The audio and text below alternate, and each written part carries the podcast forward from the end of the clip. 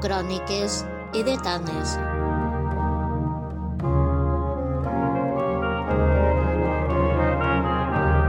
El podcast del Camp de Túria.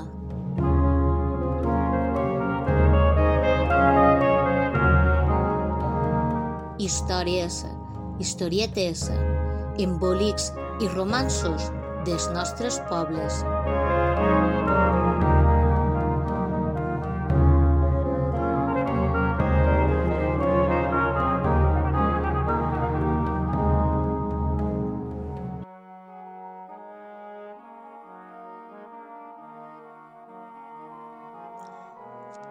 Aquest nou programa de Cròniques Sedetanes recollim el taller un exemple de recerca d'història local, la Vall d'Olocau, Marines i Gàtova, impartit per l'escriptor i estudiós Ferran Zurriaga i presentat per Txelo Tomàs, presidenta de l'IDECO, Institut d'Estudis Comarcals del Camp de Túria, amb l'organització i col·laboració d'IDECO, Cel de la Pobla de Vallbona i l'excel·lentíssim Ajuntament de la Pobla de Vallbona.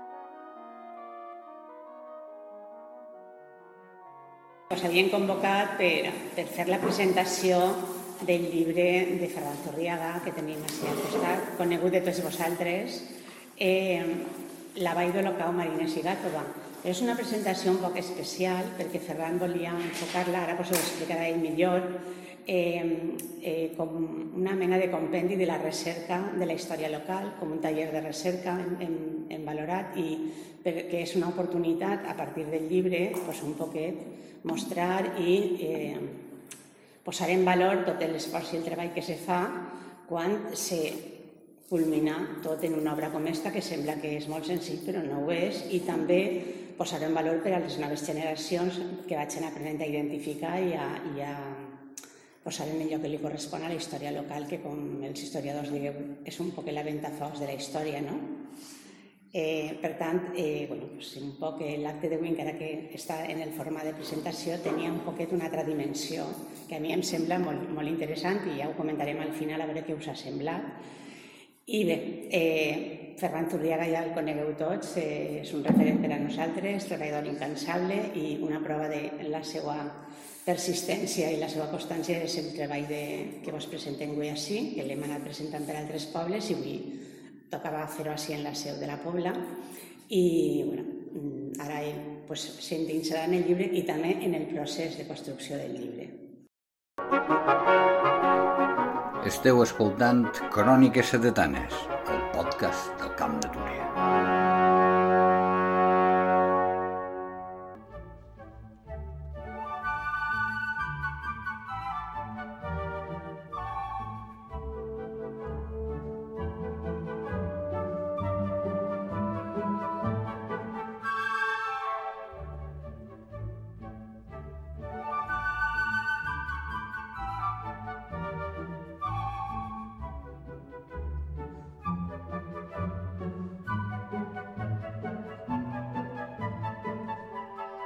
Gràcies, benvinguts, benvingudes. És un goig tornar a la Pobla de Vallbona, ja havia estat així fa uns anys, i, i avui en, en tornar a la Pobla de Vallbona encetar el tema de, de la història local. La història local eh, sempre és la voluntat d'alguns personatges i, i cada vegada més eh, els estudis arriben a més gent i n'hi ha més gent que s'enrola i, i té un travessant de treballar la història local. Però jo no podries començar avui sense recordar a un personatge de la Pobla que feu una primera història de la, de la Pobla de Vallbona, Vicent Llevat Pitar, un llibre que, que conserve i, i que recull el que aquell home que no, sense ser historiador eh, va ser un funcionari municipal, crec que va ser municipal de, de l'Ajuntament, però va anar recollint coses i va, va fer un conjunt d'històries. Així n'hi ha moltes més històries en, este, en, esta, en, en, en la història local, en tots els pobles trobarem algun personatge. eh, un dels personatges pues, seria jo. Jo eh, recorde que tenia, no sé si 12 o 13 anys, quan un pare va portar un, un folleto que havia editat l'Ajuntament, que li havia demanat a un escritor folclorista que n'hi havia aleshores, eh, de, de València i feu una, no sé si és que el governador civil demana que tots els pobles feren una espècie de compendi històric eh, d'aquell poble, me dona la impressió que fos una ordre del governador d'aquells anys i que, i que Olocau i Marines buscaren el mateix personatge i feu un compendi de la història d'Olocau i, de, i de Marines. Jo recordo que fi el, el folleto aquell Eh, mon pare només que tenia un folleto, segurament el repart dels folletos també anava en relació amb, amb la sí, assignació política de la família que era i a nosaltres nos tocava no tindre el folleto, i, però me'l vaig copiar i encara conserve eh, en una pluma i un tinter, eh, ho vaig copiar tot, tot el que n'hi havia allí i vaig començar a interessar-me per la història local. Jo dic que allò era com el, el primer origen d'aquest llibre. Després eh, vaig tindre sort. Eh, la sort familiar fa moltes vegades que aquestes coses vagin endavant. La sort familiar fa que el meu pare era un lector eh, comparat en, en la situació de l'agricultura i dels agricultors dins del, del grup local. Van tindre sort perquè va arribar un mestre de 22 anys que va fer una escola nocturna i jo diria que el meu pare i els seus amics arribaren a un coneixement un batxillerat elemental o més que elemental. De fet, eh, sí que n'hi havia llibres en casa, després llibres sobre agricultura s'interessa molt, després va tindre una altra sort que va trobar a un personatge que va ser eh, don Pasqual Carrión, que justament fos el personatge que s'encarregava de la reforma agrària, era un valencià de Sacs, allà d'Alacant, que s'interessava per la situació de l'agricultura a, l'estat espanyol i de fet li van encarregar un poc el projecte de la reforma agrària. Va treballar molt, va, va fer algunes coses, va, va traslladar-se a Andalusia on estava eh, el, el cau de, de la cosa i, i a més a més va donar molts cursos de, de formació sobretot sobre la pràctica del treball de les vinyes. Un pare se va apuntar a una d'ells i va quedar molt amic de, de, de don Pasqual Carrión. I de fet eh, quan jo tenia 15, 16 anys, 17 anys, m'apuntava un, un estiu, un mes de juliol, a l'enològica de Requena per a fer un curs de vitivinicultura aquells que feia una calor que pesava i, i sobretot descobrirem un altre personatge històric com aquell que era un, un, una, un personatge important. Bé, aquestes coses influïxen. També influir a l'hora d'elegir la professió. Eh, la meva mare havia estat criada en una mestra i conservava uns llibres que dia Patronato de Misiones Pedagógicas en un, en un setxell de la República i les obres que ella va recollir d'aquella donació que feren per a les biblioteques escolars i, i els alumnes era Platero i jo, un dels llibres que primer aprengué a llegir, i després Morada de Paz Santiniqueta, que era una escola que fundà un filòsofo hindú que li dient Tagore. I, i aquest llibre jo crec que sempre he dit que m'ajuda a ser mestre. Eh, bé, la vocació de mestre se, se relaciona molt en, en l'aventura d'investigar sobre la teua localitat, sobre el teu poble, i, i ahir comenci, jo penso que a, a fer reculls de coses.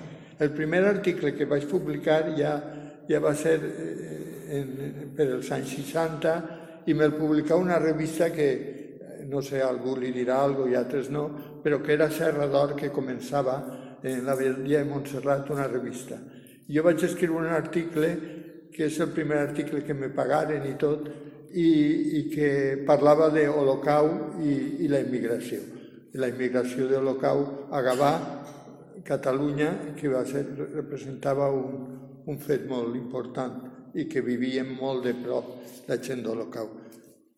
És un, una de les vessants que té la història local, quan comences a descobrir que n'hi ha una època que la gent se'n va i busca treball en un altre lloc i tot. Entonces el procés de, d'esta aventura també m'ha ajudat a descobrir la història. I dins de la història, pues, eh, n'hi ha moltes coses. En el llibre se veuen reflexades totes les situacions. Per començar, jo diria que per començar eh, fer una història local eh, n'hi ha també altres raons com són la, la visió del paisatge, no els fets històrics, sinó el paisatge que, que veu aquests fets històrics. El paisatge eh, també recorda un altre llibre de, de, de la infància, de 14 o 15 anys, que es regalaren a Pep Agustí i a mi, ens regalaren un llibre que es diu Cadaqués, escrit per Josep Pla. És el primer llibre que escrivia en català Josep Pla després d'acabada la guerra i que conta la vida de Cadaqués. Aquell llibre de Cadaqués m'entusiasma molt perquè apareixien les oliveres, apareixien els bancals de pedra, encara que apareixia la mar i, i els mariners i la vida marinera de cada queix, eh, eh, Josep Pla sempre ha sabut acostar-se a la història de, del món de, del món llaurador, de, de, dels, dels pobles, i ho reflexava molt bé en el llibre. I, de fet, jo penso que aquell llibre eh, seria per a mi un dels, un dels recursos que després utilitzo moltes vegades si llegiu el llibre de la Vall on el paisatge torna a formar part de la història. Una altra cosa que recomanaria, he parlat de les raons familiars que moltes vegades ens aboquen a, a fer història, és els documents que ens ajuden, com són els llibres, alguns llibres a vegades que formen l'entorn familiar. Un altre dels llibres que forma l'entorn familiar era una història d'Espanya contada per García Linaceros, un professor que va ser eh, director de la Normal de Palència.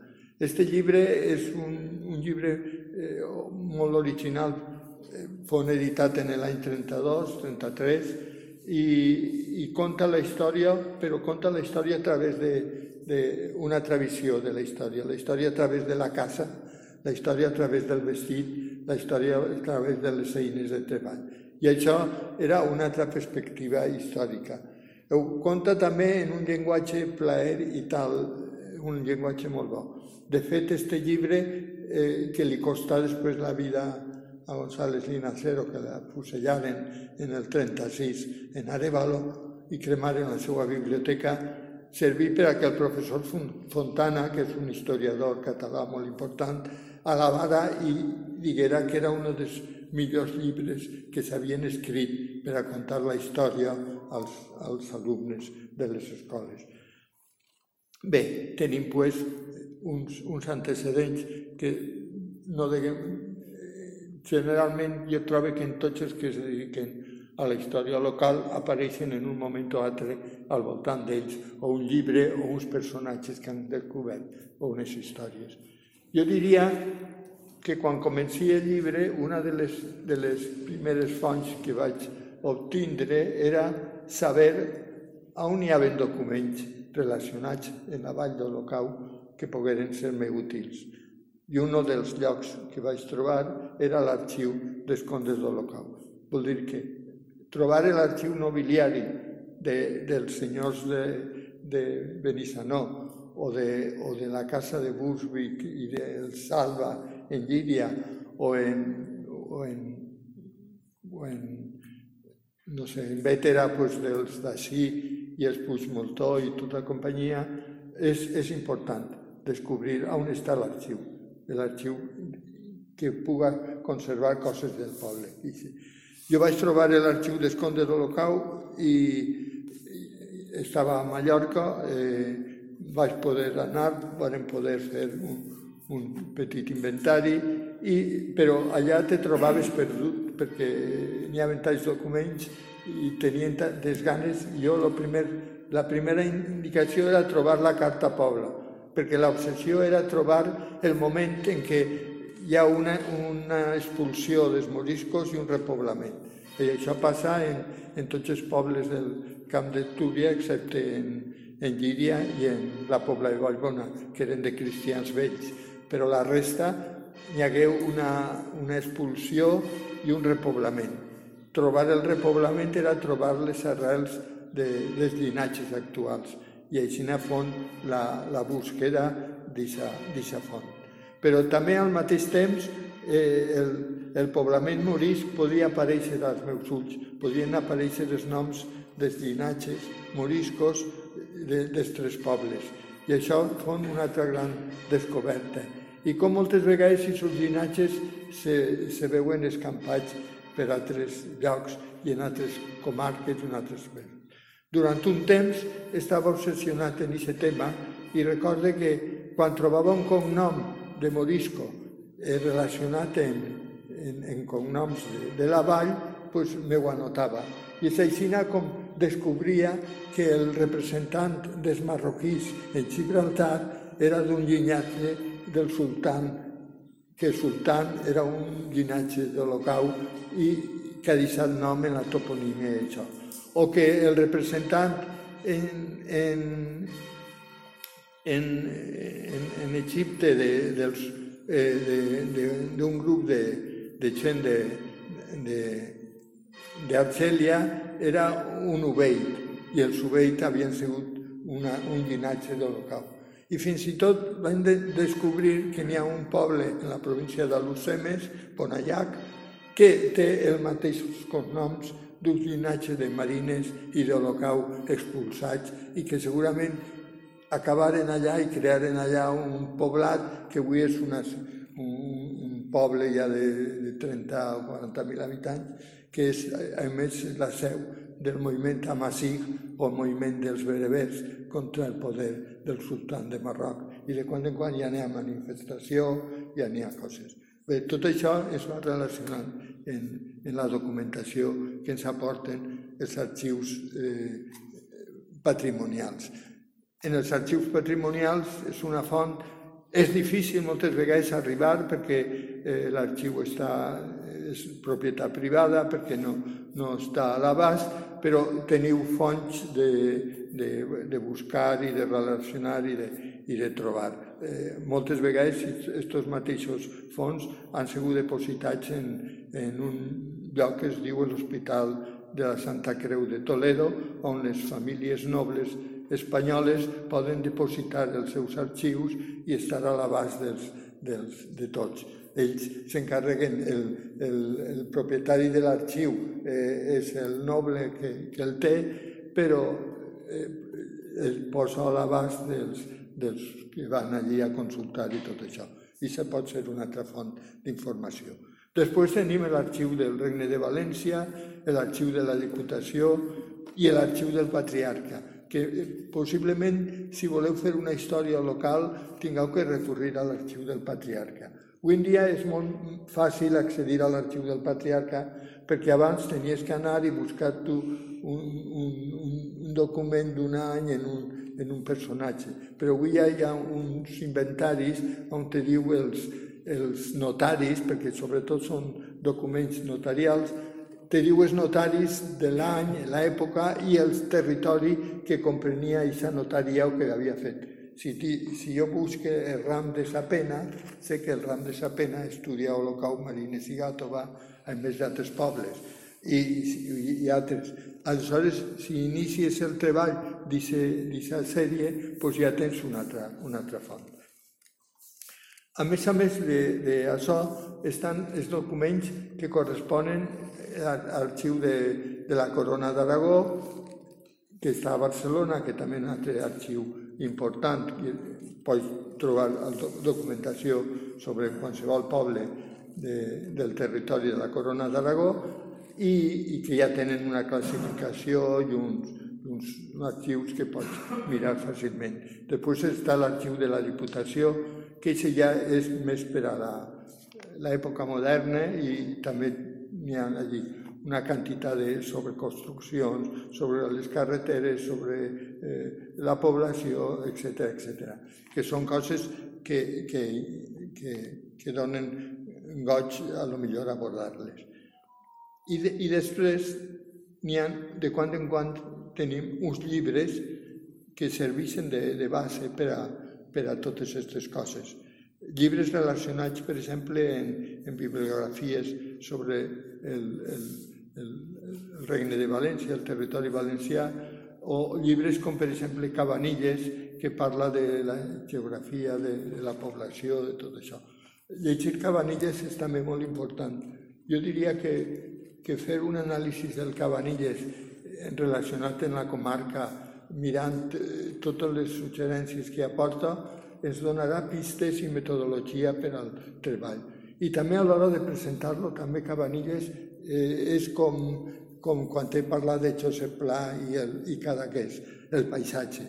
Com el paisatge, cada Cabanilles, com ens introdueix en el paisatge del lloc, ens descriu eh, les formes de treball, les, les, a vegades les collites, etc etc. Al costat de, de Cabanilles podríem citar moltes bibliografies. En els capítols de, del, del meu llibre eh, apareixen tots aquests llibres, de quan en quan apareix el, el, el llibre. I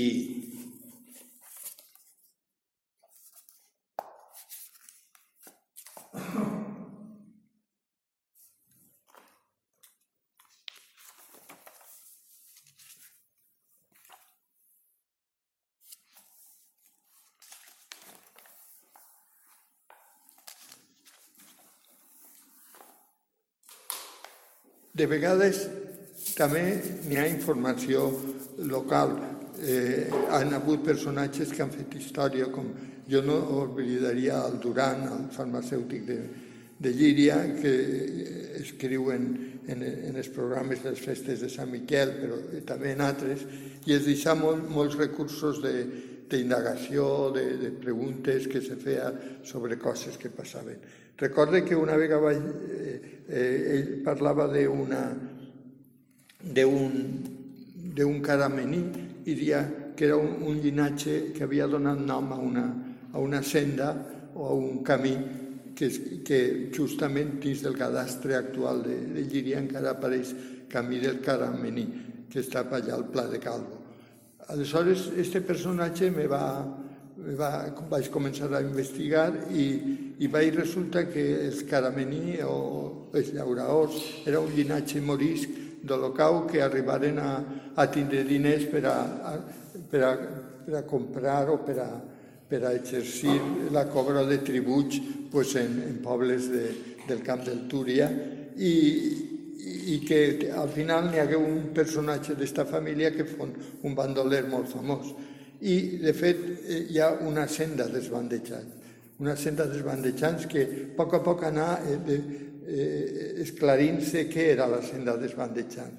La senda desbandejant comença en Puçol, eh, va cap per el camí vell de, de, de Llíria a, a Sagunt, eh, arriba fins a, a, al terme de la Pobla, entra en, per el Pla de la Maimona, puja per el Pla de Calvo, va buscar, va buscar eh, allà per dalt de la Concòrdia, eh, per Cucaló, arriba i arriba fins a, la, a una, una aldea de la Cervera, que és ara terme de, de la Vejuela, la Bellola, i entra en Aragó. Esta senda desbandejants havia estat utilitzada per els mudeixes aragonesos per anar-se'n a la Meca, una forma d'anar-se'n, i allà a Puçol acudia una barqueta o anava una barca o acudia un vaixell i els anava transportant per als rics eh, mudejas aquells que volien anar. Després fon una, una línia de, de, de, de bandolers i, i de tot això. I això ens donava més pistes.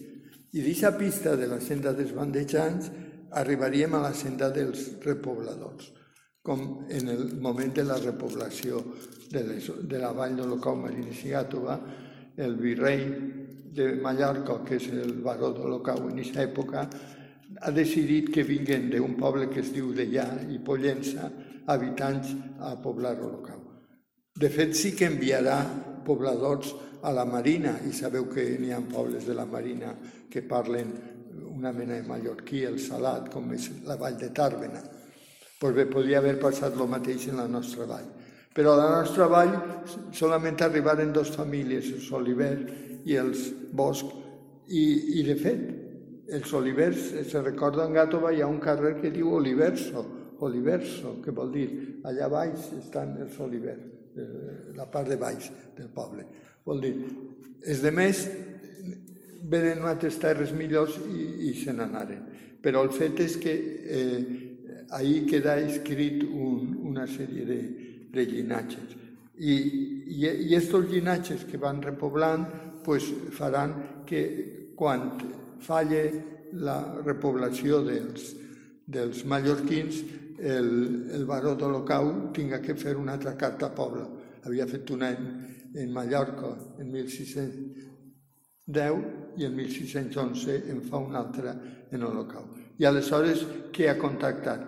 Pues, seguint el camí dels bandejants de la Vellola a Torrijas, de Torrijas a, a, a, un, a Camarena de la Sierra. I a Camarena de la Sierra pues, baixen els, els Mateus de Camarena de la Sierra i comencen a repoblar la vall de l'Ocau. Un altre fet és, és l'estudi dels, dels pastors transhumants i la transhumància en, en, en el camp del Túria és un altre fet important de recordar i de tindre en compte a l'hora de fer una història local, partint dels pastors que viuen en el poble i dels pastors que han hagut i dels llinatges dels pastors i, de, i del trasbals que representava. Crec que fins a 982, en Olocau encara se subasten els, els, els, el, el bosc i tot a, a uns pastors de, de Camarena i, i es fa en, en, el, en el local de l'antiga hermandat on n'hi ha unes fletxes roges en, en la paret de, de l'època de, de, de la dictadura i les han tapat en celo en un, en un, en un pòster, però les puntes ixen. Justament fan una foto en el diari, un article en el diari, parlant de la, de la transhumància i, i aprofiten aquella foto que se veu així. Ahí tenim el, un altre recurs que de vegades trobem, que és els retalls de premsa, les notícies de premsa, guardar-les, col·leccionar-les, això ens pot donar pistes de, de coses. Eh, esta eh, pista es diu eh, l'època, la subhasta, el que se donava i tot. I era, ja, te, teòricament ja estàvem en una democràcia i allò se tenia que haver fet a través de, de l'Ajuntament i es a través d'una càmera sindical que, que era el Consell Agrari en aquell moment. Recordar eh, que en la història local el valuós és recollir la informació. Eh, un altre recurs que, que trobem cada vegada més és els programes de festes locals que si ha hagut un cronista local o algo que ha anat escrivint a poc a poc, doncs ahir podem trobar un, una font de recursos i de documentació interessant. I, i de vegades, eh, i de vegades també eh, a l'hora de fer la història si, si, si anem a parlar de l'agricultura, pues fixar-se en, en, en alguns detalls que ens, que ens donen sorpreses. Per exemple, eh, quan, quan farem el, quan fan l'inventari de les troballes en el puntal dels llops, eh, Helena Bonet eh, enumera les peces i, i utensilis que se troben i les eines i ens va sorprendre que es trobaren lligones. Lligones, sabeu que la lligona és sempre un, com una aixada, però una fulla més, més ampla i més fina, que generalment s'utilitzava més per a fer treballs en l'horta que no per, a, per al camp normal i corrent de cavar una vinya, per exemple. Com era que n'hi havia 12 o 13 lligones en el puntal dels llocs? Per a què volien aquells eh, eh, personatges tantes lligones allí?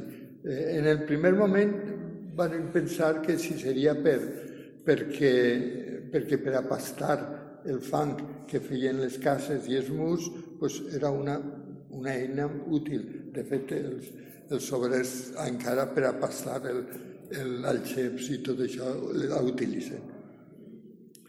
Però després, mirant les troballes que feien de, de, de, de llegums, de, de llavors, de, de coses que podien... Eh, ens, ens vingué la, la, la sorpresa de que per què no seria allò l'inici d'una agricultura vora del Carraixet, vora del barranc, on les terres arenoses del barranc depositen i, i deixen espais on plantarien a lo millor pèsols, faves eh, o, o cigrons o coses d'aquelles. I al treballar sobre la sorra la, la llegona era un altre útil, eh, molt més útil que l'aixada. pues ahí quedava, ahí queda un poc eh, el, el treball d'investigació o de suggerir els resultats de, de, la, de, de, de les troballes.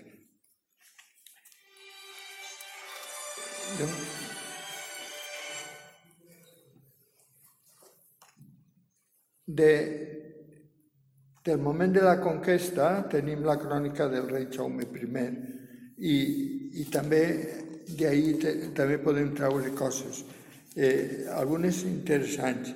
La crònica del llibre de Feig ens ha deixat un text del pas real per les nostres terres. Es preguntàvem, estigué Jaume I en, en el camp del Túria alguna vegada i, i, o, o en el nostre poble o, o passar per així i, i allà que vàrem descobrir eh, mirant el llibre de Feig eh, un, un, un paràgraf que, que ens situa molt bé eh, un moment de la, de la conquesta.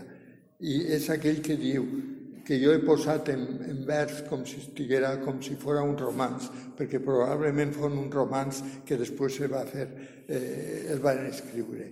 E anant-nos en el Puig i a les Alcubles, al Bergam, i en les Alcubles deixaren-nos caent en Llíria està. Caen era el, el rei de València que havia pujat a Llíria per a impedir el pas de, de, de Jaume per, per, per la zona i vinga que veni, vol que nos entrem ja. I eixim de les alcubles, vol dir que de les alcubles i amb les assembles carregades i els nostres cavalls armats i els nostra senyera desplegada al Puig nos entrarem. Quin camí havia seguit el, el cavaller? Descobríem el camí dels cibers, el vell camí que de, que de Vétera, de Llíria va a Vétera i de Vétera va a que encara existís i que ja fa un camí ibèr i que ara eh, l'utilitza eh, Jaume per a fugir de Llíria que estan les tropes de Caen i per arribar al Puig i socórrer-la. Bé, són notes que van construint eh, eh, a poc a poc la història. Eh, quan mirem els arxius també eh, eh, trobem de vegades eh,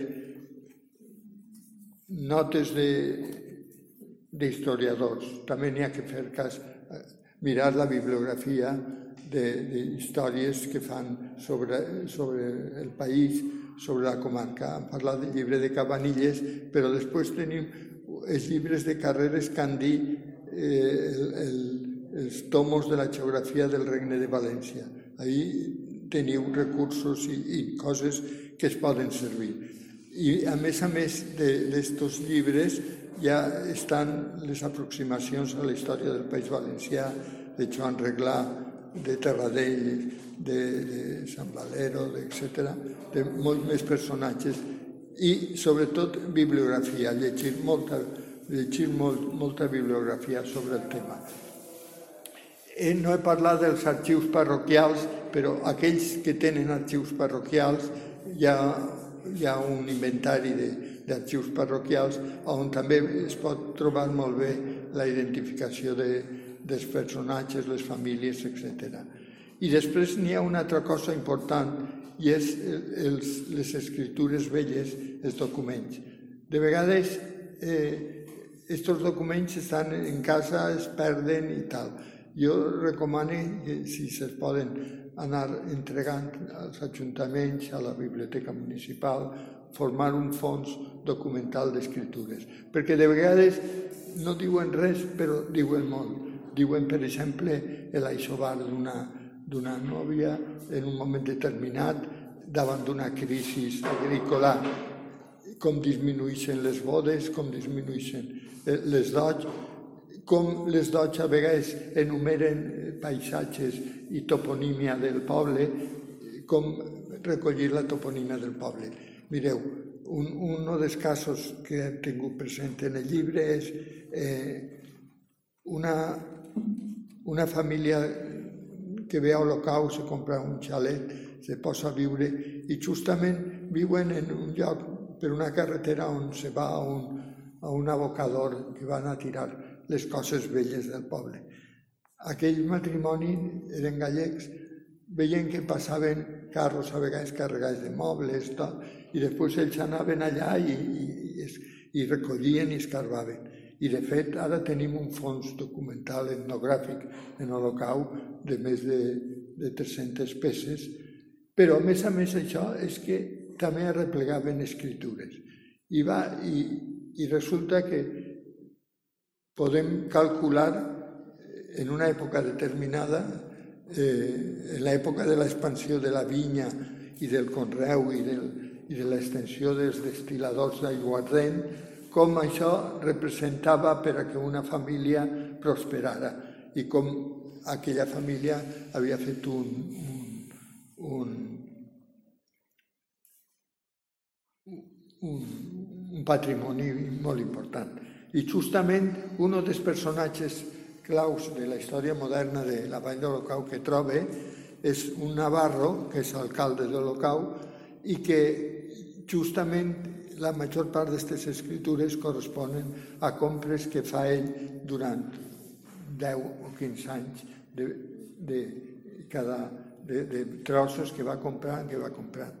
I acaba tenint un patrimoni de més de 300 fanecaes en el secador local, més un patrimoni en la pobla de Vallbona d'Horta i un patrimoni en el terme de Lliria de vinyes i oliveres en el Campès i, i altres zones de, de per allà. I, i, i dius, i este personatge, i comença a estudiar este personatge i resulta que en 1890, 1800, 1870, hi ha un inspector, s'ha imposat l'escola eh, en els pobles, té que haver una escola, i el conde, l'inspector i el, alcalde Navarro parlen de construir una escola.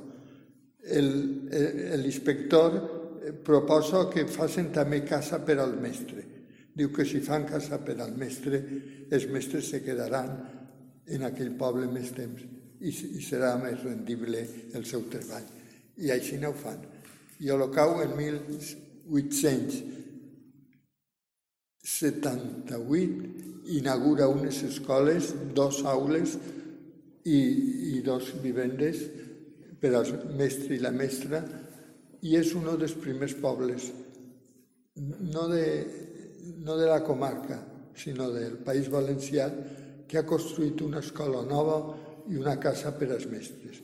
I, de fet, els mestres se quedaran més temps i n'hi haurà una, una, un aprenentatge molt millor. Bé,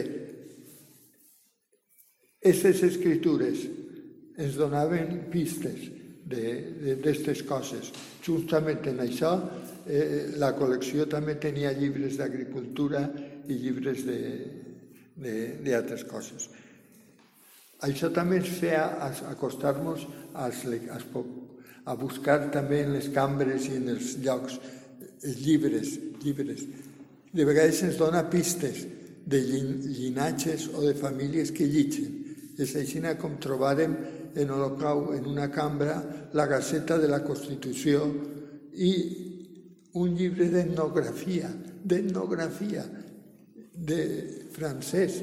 No sabem com arribava aquell llibre a, a casa del tio Jaume, però el tio Jaume tenia el butlletí de, de la Constitució de 1812, totes les ordres de la Constitució i aquell llibre d'etnografia que no sabem perquè, quina era la causa.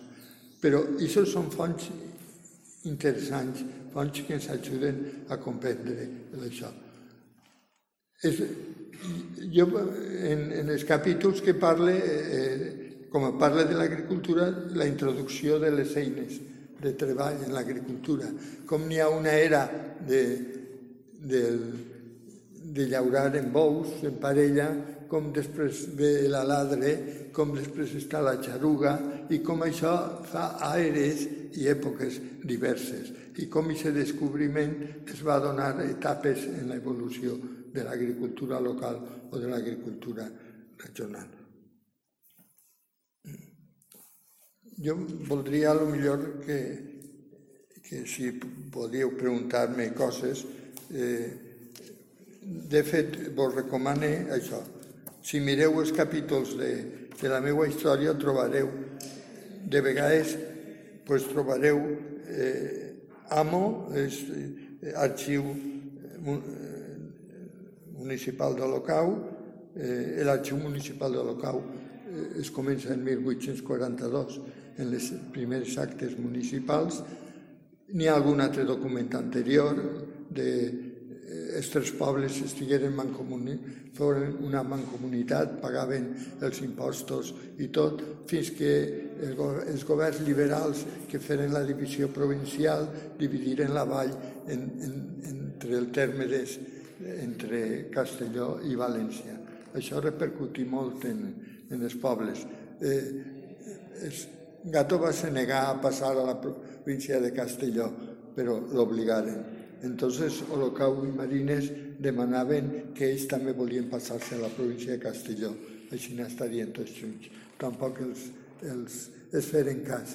A més a més, a Olocau i a Marines es feren partit judicial de Villar de l'Arquebisbe, quan no tenien una continuïtat geogràfica ni res, quan estaven a 10 quilòmetres de Llíria, que era el partit judicial que es corresponia. Vull dir que fon un, un, un mareig i un atac, però ja vegeu les coses, les voltes que fan la història, l'únic poble de tota la història d'Espanya que ha canviat de província ha sigut Gàtova, que ha passat a la província de València i que s'ha format part del, del districte del Camp del Túria. Com de vegades la història té aquestes sorpreses i aquests anàlisis.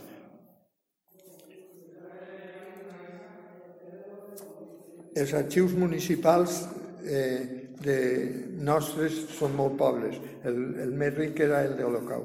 El 1959 l'Ajuntament de Marines va vendre l'arxiu municipal a PES, quan allí eh, sabíem que guardava eh, el, eh, quan se reunia la mancomunitat de municipis, com Marines estava al mig, doncs els de Gàtova baixaven, els d'Holocau pujaven i feien les reunions. Entonces tota la paperassa de, de l'època de la mancomunitat es pergué en aquella venda. L'arxiu de, de Gato va fer un incendiat i tampoc se conserva res. I gràcies als, als arxius de l'arxiu de, dels contes d'Holocau pues, han pogut reconstruir eh, llibres de cabreus, eh, evolució de famílies i llinatges. Una cosa interessant del llibre de cabreus és que per primera vegada apareixen les dones en els matrimonis. Fins a aquell moment sempre apareixien els homes, els propietaris de les terres, tal.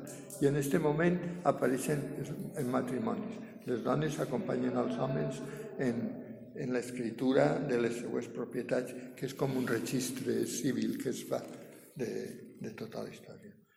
Podria estar parlant d'exemples de, d'estos.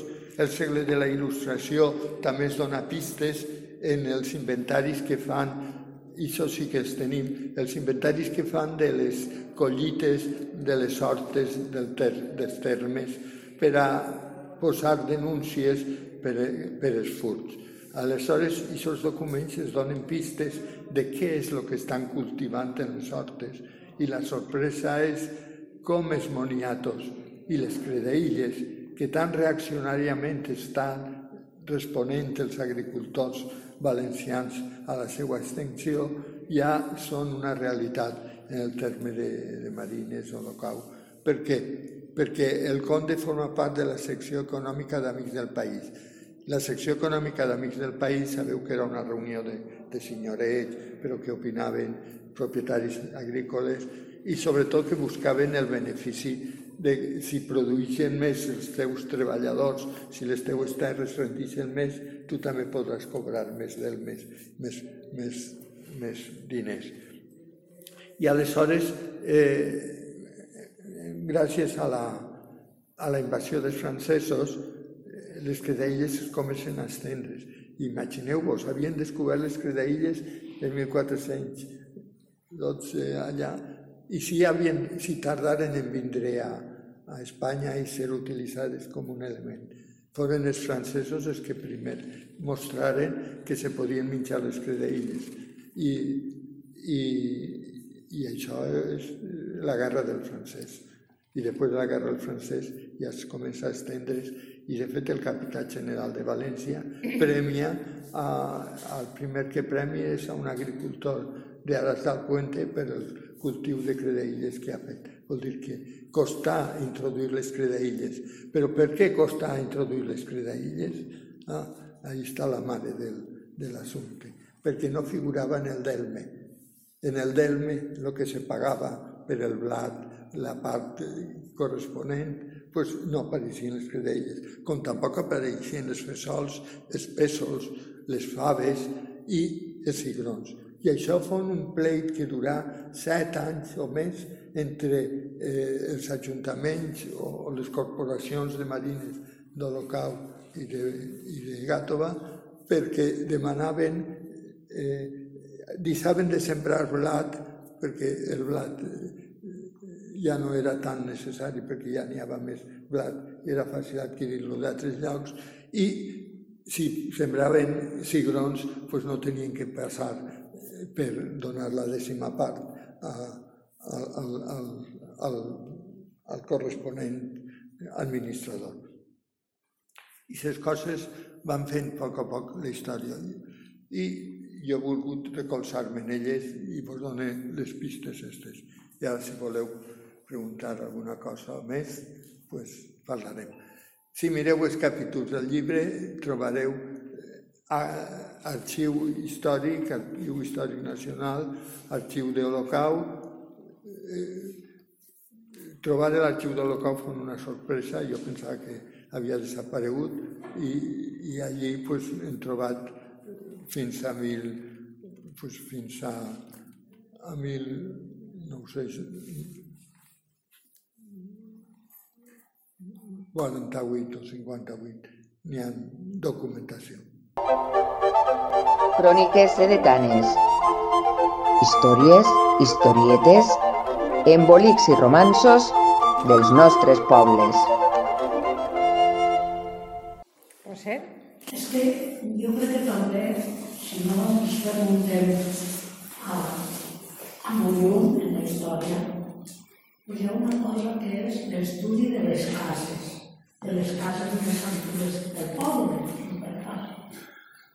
i per a saber la casa que tu vulguis estudiar, quan es feu, per quin motiu i tal qual, m'agrada molt lo de la història oral. El primer que fas és preguntar a la de la casa, com li ha vingut i sa casa.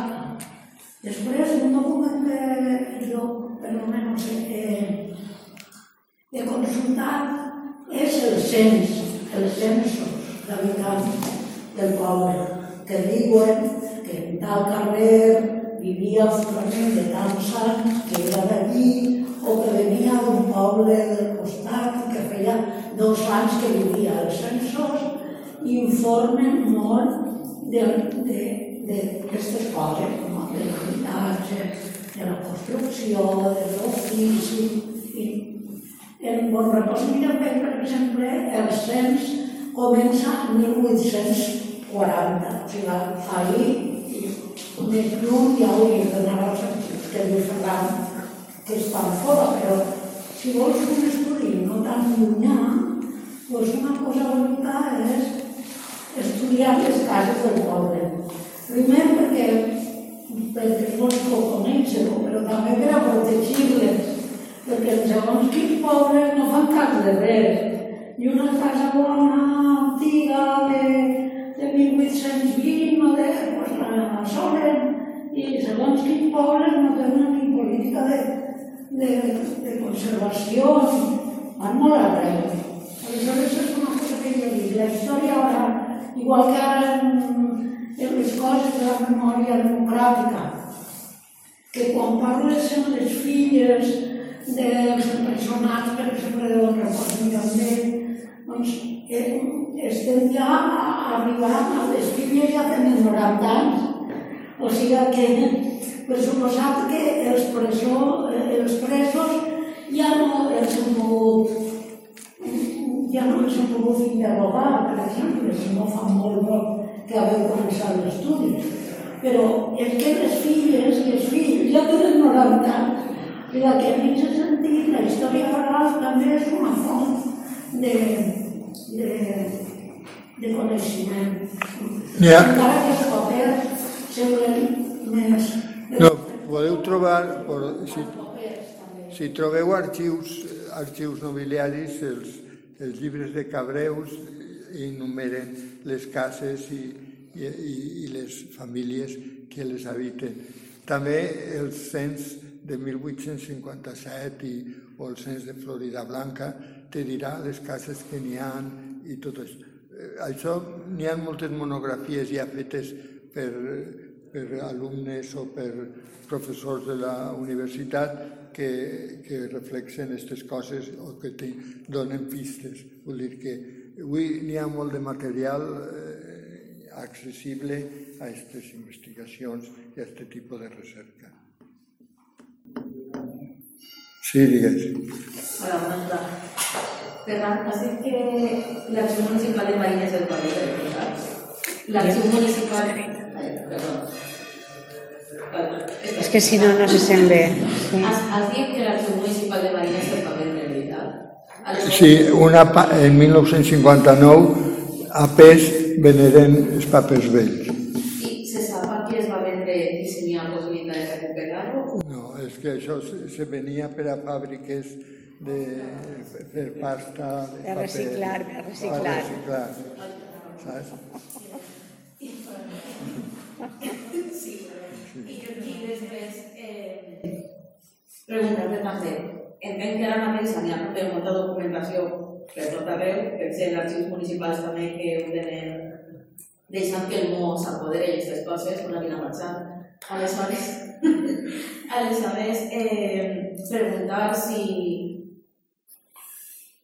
si coneixes alguna estratègia, tens alguna recomanació per a poder interactuar amb les administracions públiques per a que posen en valor no? la documentació que tenen en, en la seva possessió per a que Sí. no hi hagi Una, una de les incides és eh, dir, volem fer un, una exposició de l'inventari de documents més vells que guarda l'Ajuntament. No?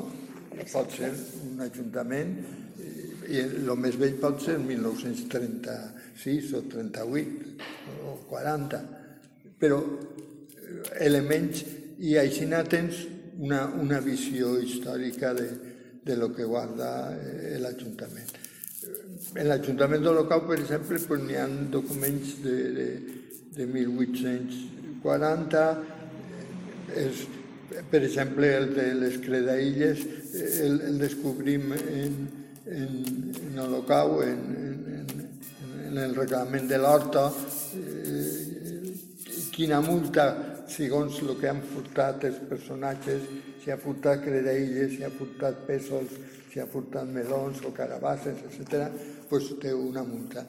I aquest recurs ens dona perspectiva de quins cultius n'hi havia eh, o, o, o s'havien introduït nous que no existien abans.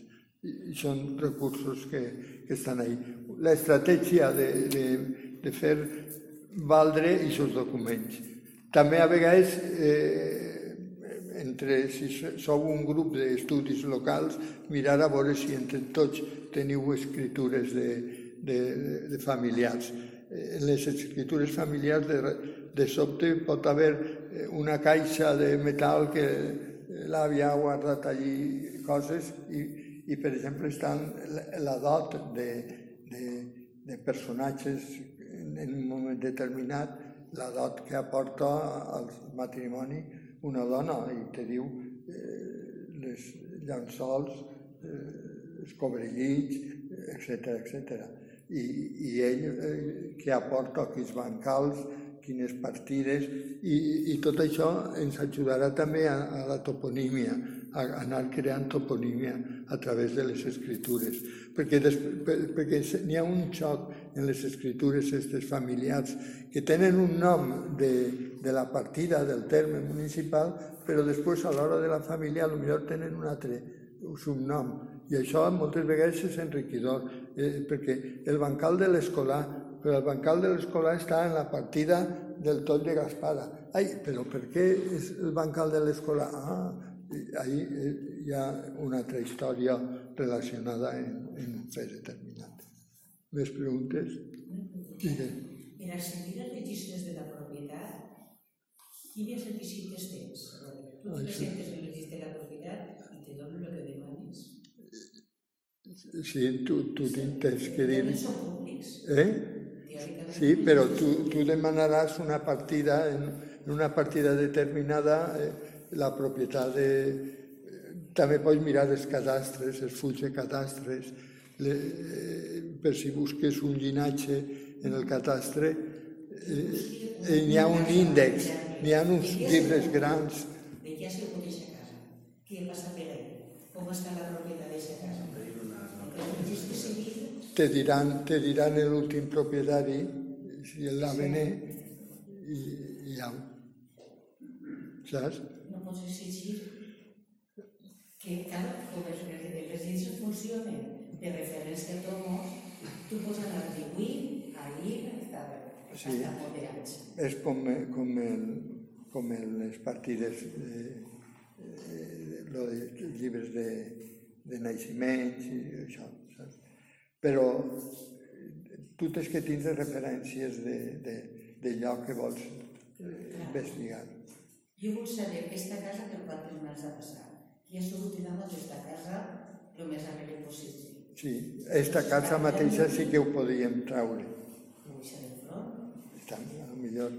Però n'hi hauria que mirar el, el cadastre, el cadastre de, del poble i el cadastre general. general.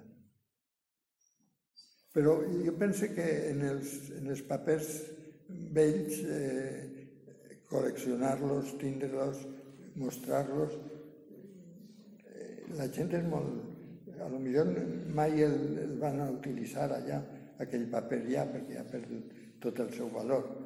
Però a vegades veus els testaments i per el testament treus que hi ha una demanda de, de que volen anar a, aquests diners que sobren si isquen per a les viudes dels morts que n'hi hagué en la guerra d'independència en el poble.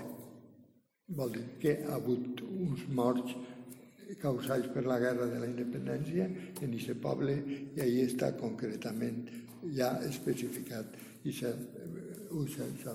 Altres vegades, altres vegades en el, en el, en el, en el document, per exemple, Simeón, el, he trobat que els repobladors de la vall d'Olocau, n'hi ha alguns repobladors que se creuen més senyors, més, o són més poderosos, que no volen ser soterrats en, el, en la iglesia, perquè generalment les iglesias encara no s'han construït, són mesquites transformades en iglesias. Aleshores demanen que es trasladen i els soterren en la iglesia de la Nostra Senyora de la Font. Ja saps, Nostra Senyora de la Font de Sant Vicent de Llíria. I n'hi ha un convent de trinitaris dedicada a la Mare de Déu de la Font. I així n'hi ha diversos personatges de, d'Holocau que demanen ser soterrats allí, perquè pensen que és més sagrat que no pas eh, les ruïnes. La qual cosa ens diu quan han començat a construir les iglésies, si han construït les iglésies, si no les han construït. Així i tot, en Holocau n'hi ha una iglesia vella, que és la iglesia que està en la senyoria, que també és utilitzada per a soterrar. El que passa que quan la condessa eh, vol ficar la seva carrossa o no troba altre lloc que, que la iglesia i, i, i, i, i, tanquen la iglesia vella i, i la transformen en una espècie de garatge de, de la carrossa. Però bueno, més coses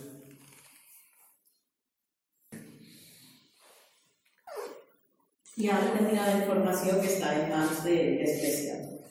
Les administracions públiques, en certa manera, podem tenir certa obligació de facilitar la, la informació quan es la sol·licites, però l'Església no necessàriament sempre.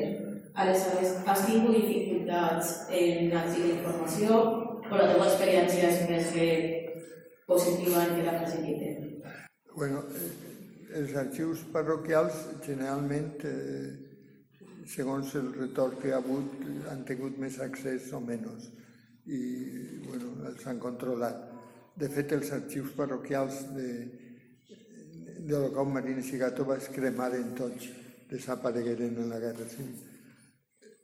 Jo crec que eh, està en l'arxiu de Serra i Nàquera conserven l'arxiu parroquial, la Pobla de Vallbona no ho sé, Llíria suposo que tampoc conserva arxius parroquials. I bueno, en Serra i en Nàquera sí que n'hi ha accés perquè han tret de vegades llinatges que venen de Serra, has demanat i, i, bueno, i te deixen fotocopiar o tal, saps? Els quinquens llibres. Eh? Que queden mariners, no, bueno, de marines te pots treure... De marines pots treure, pots treure molt. Tens, tens, bueno, els parroquials de, de, a partir de 1900, de 1940 estarà tot. A, a, a partir de 1939 tens l'arxiu parroquial dirà registre de batejos i, i tot. I en l'arxiu municipal pues, també, i sí, 1939, això. Després tens que seguir, pues, si mires el llibre, o també han fet alguna vegada, n'hi ha un, farem una exposició que parlaven dels llinatges de la vall i sí que tenim a través de, dels llibres de Cabreus els apellidos eh, quan apareixen en cada, en cada lloc determinat i si tenim el, el matrimoni, doncs el nom del matrimoni del, això. Això pues, perquè molta gent demana, eh, ha demanat sempre fer l'arbre genealògic, no? I pues ara pots seguir l'arbre genealògic més o menys votant capítols perquè no, no tenim anys darrere anys, però des, de la, des dels primers llinatges, des de que apareixen els romeros o els, o els Navarro o els Arambillaga o els Surriagues en, en la vall d'Olocau, doncs els tenim documentats eh, des del primer moment. No? I, fins i tot tenim document, per exemple, un cas molt, molt suggestiu és el d'Esviragany, de Llíria. Esviragany és un apellido de Llíria honorable. Pues bé, els primers Viragany són Viragaín, venen a Holocau, són dos germans que, que estan en Holocau pues, 10 o 12 anys i s'emigren a on emigren, a Llíria. I allà, a Llíria, es diuen Viragany. Eh? Són de la vall del Bastant, però eh, molts llinatges canvien. Els romeros, per exemple, de Gàtova baixen a Marines, de Marines baixen a Holocau, de Holocau passen a, a Serra i, i així pues, sabem que el romero és el cognom més abundant en tota la vall actualment. I aquestes coses a través d'aquestes recerques que fem a nivell local pues, les podem anar confirmant o no confirmant. Digue'm. En el moment de començar una investigació, de dir, volem començar una recerca d'un tema en concret, vostè té alguna metodologia en concret per jo, fer la investigació? Jo faria, què anem a veure? El segle, si no voleu el segle, eh, la, de la guerra del francès fins ara, o el canvi de conreus, eh, l'arribada de la seva als camps de, de la Pobla de Vallbona, què n'hi havia abans de la seva en els camps de la Pobla de Vallbona? Què n'hi ha després de la seva en els camps de la Pobla de Vallbona?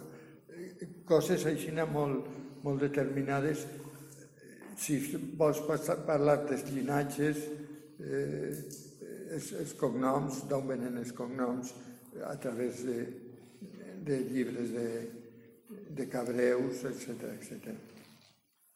A vegades sí que diuen, eh, per exemple, la Carta Pobla de, de Benaguasil, de Benaguasil, diu d'on venen la gent mm. del poble que són.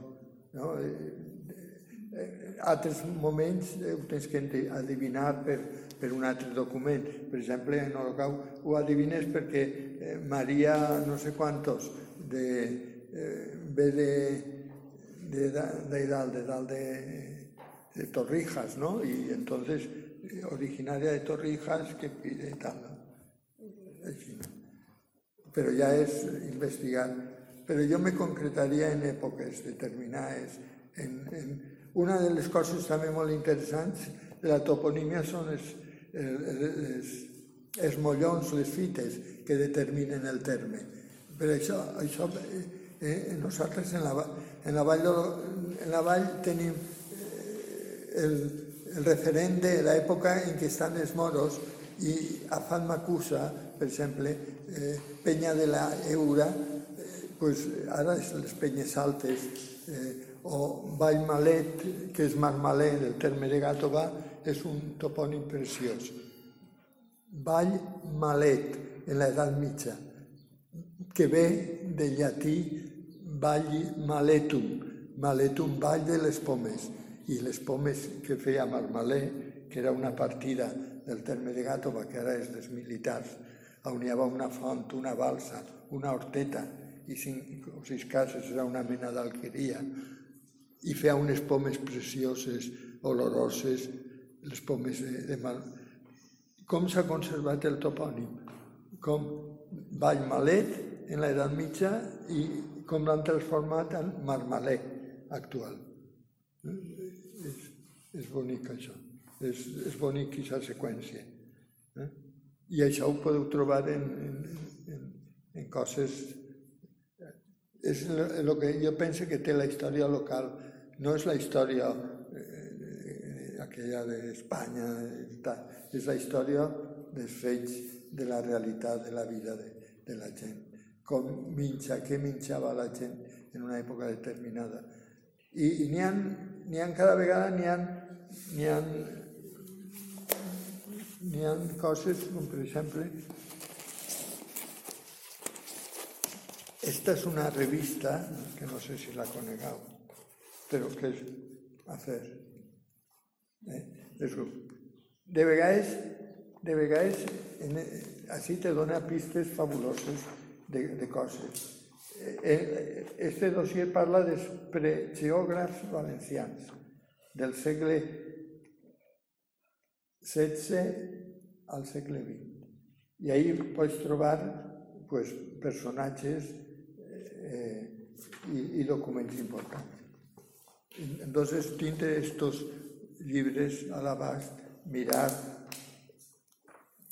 sobretot, jo penso que han guanyat molt en localització de topònims, eh, però encara queda molta feina per fer.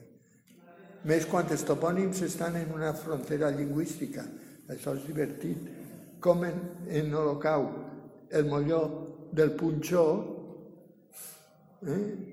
quan parles en les marines i de Gàtova, és, és, el, és el mojón partido.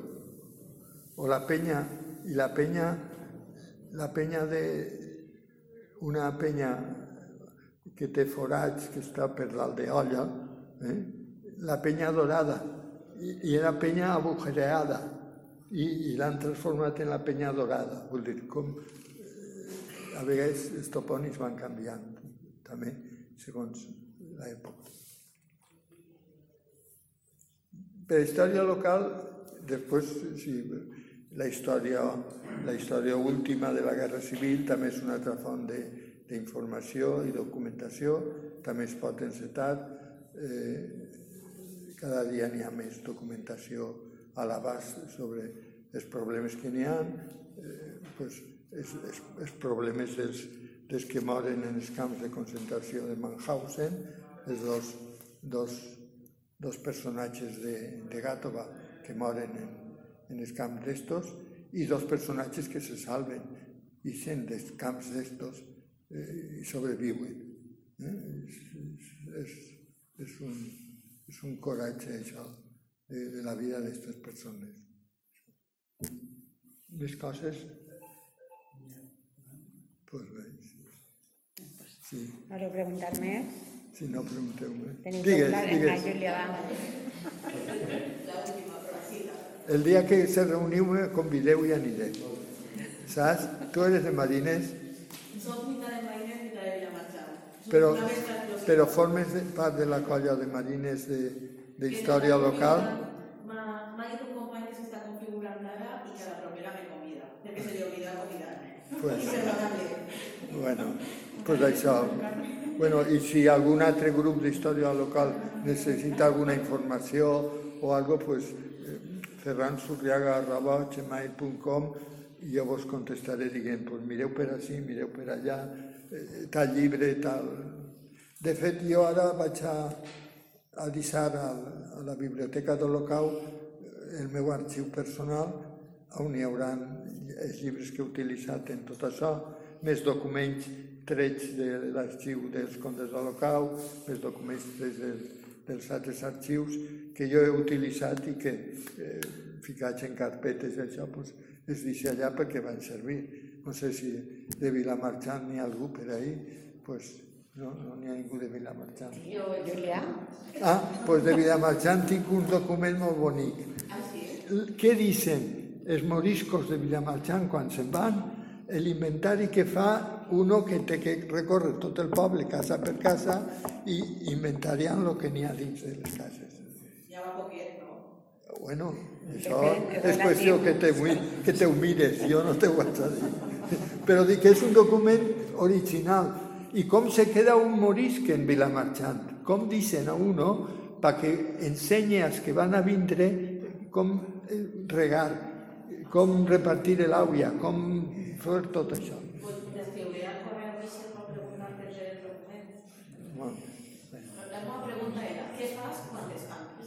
Quan què? Quan estàs buscant informació sobre alguna cosa no? i estàs aconseguint informació. Quan no aconseguissis la informació?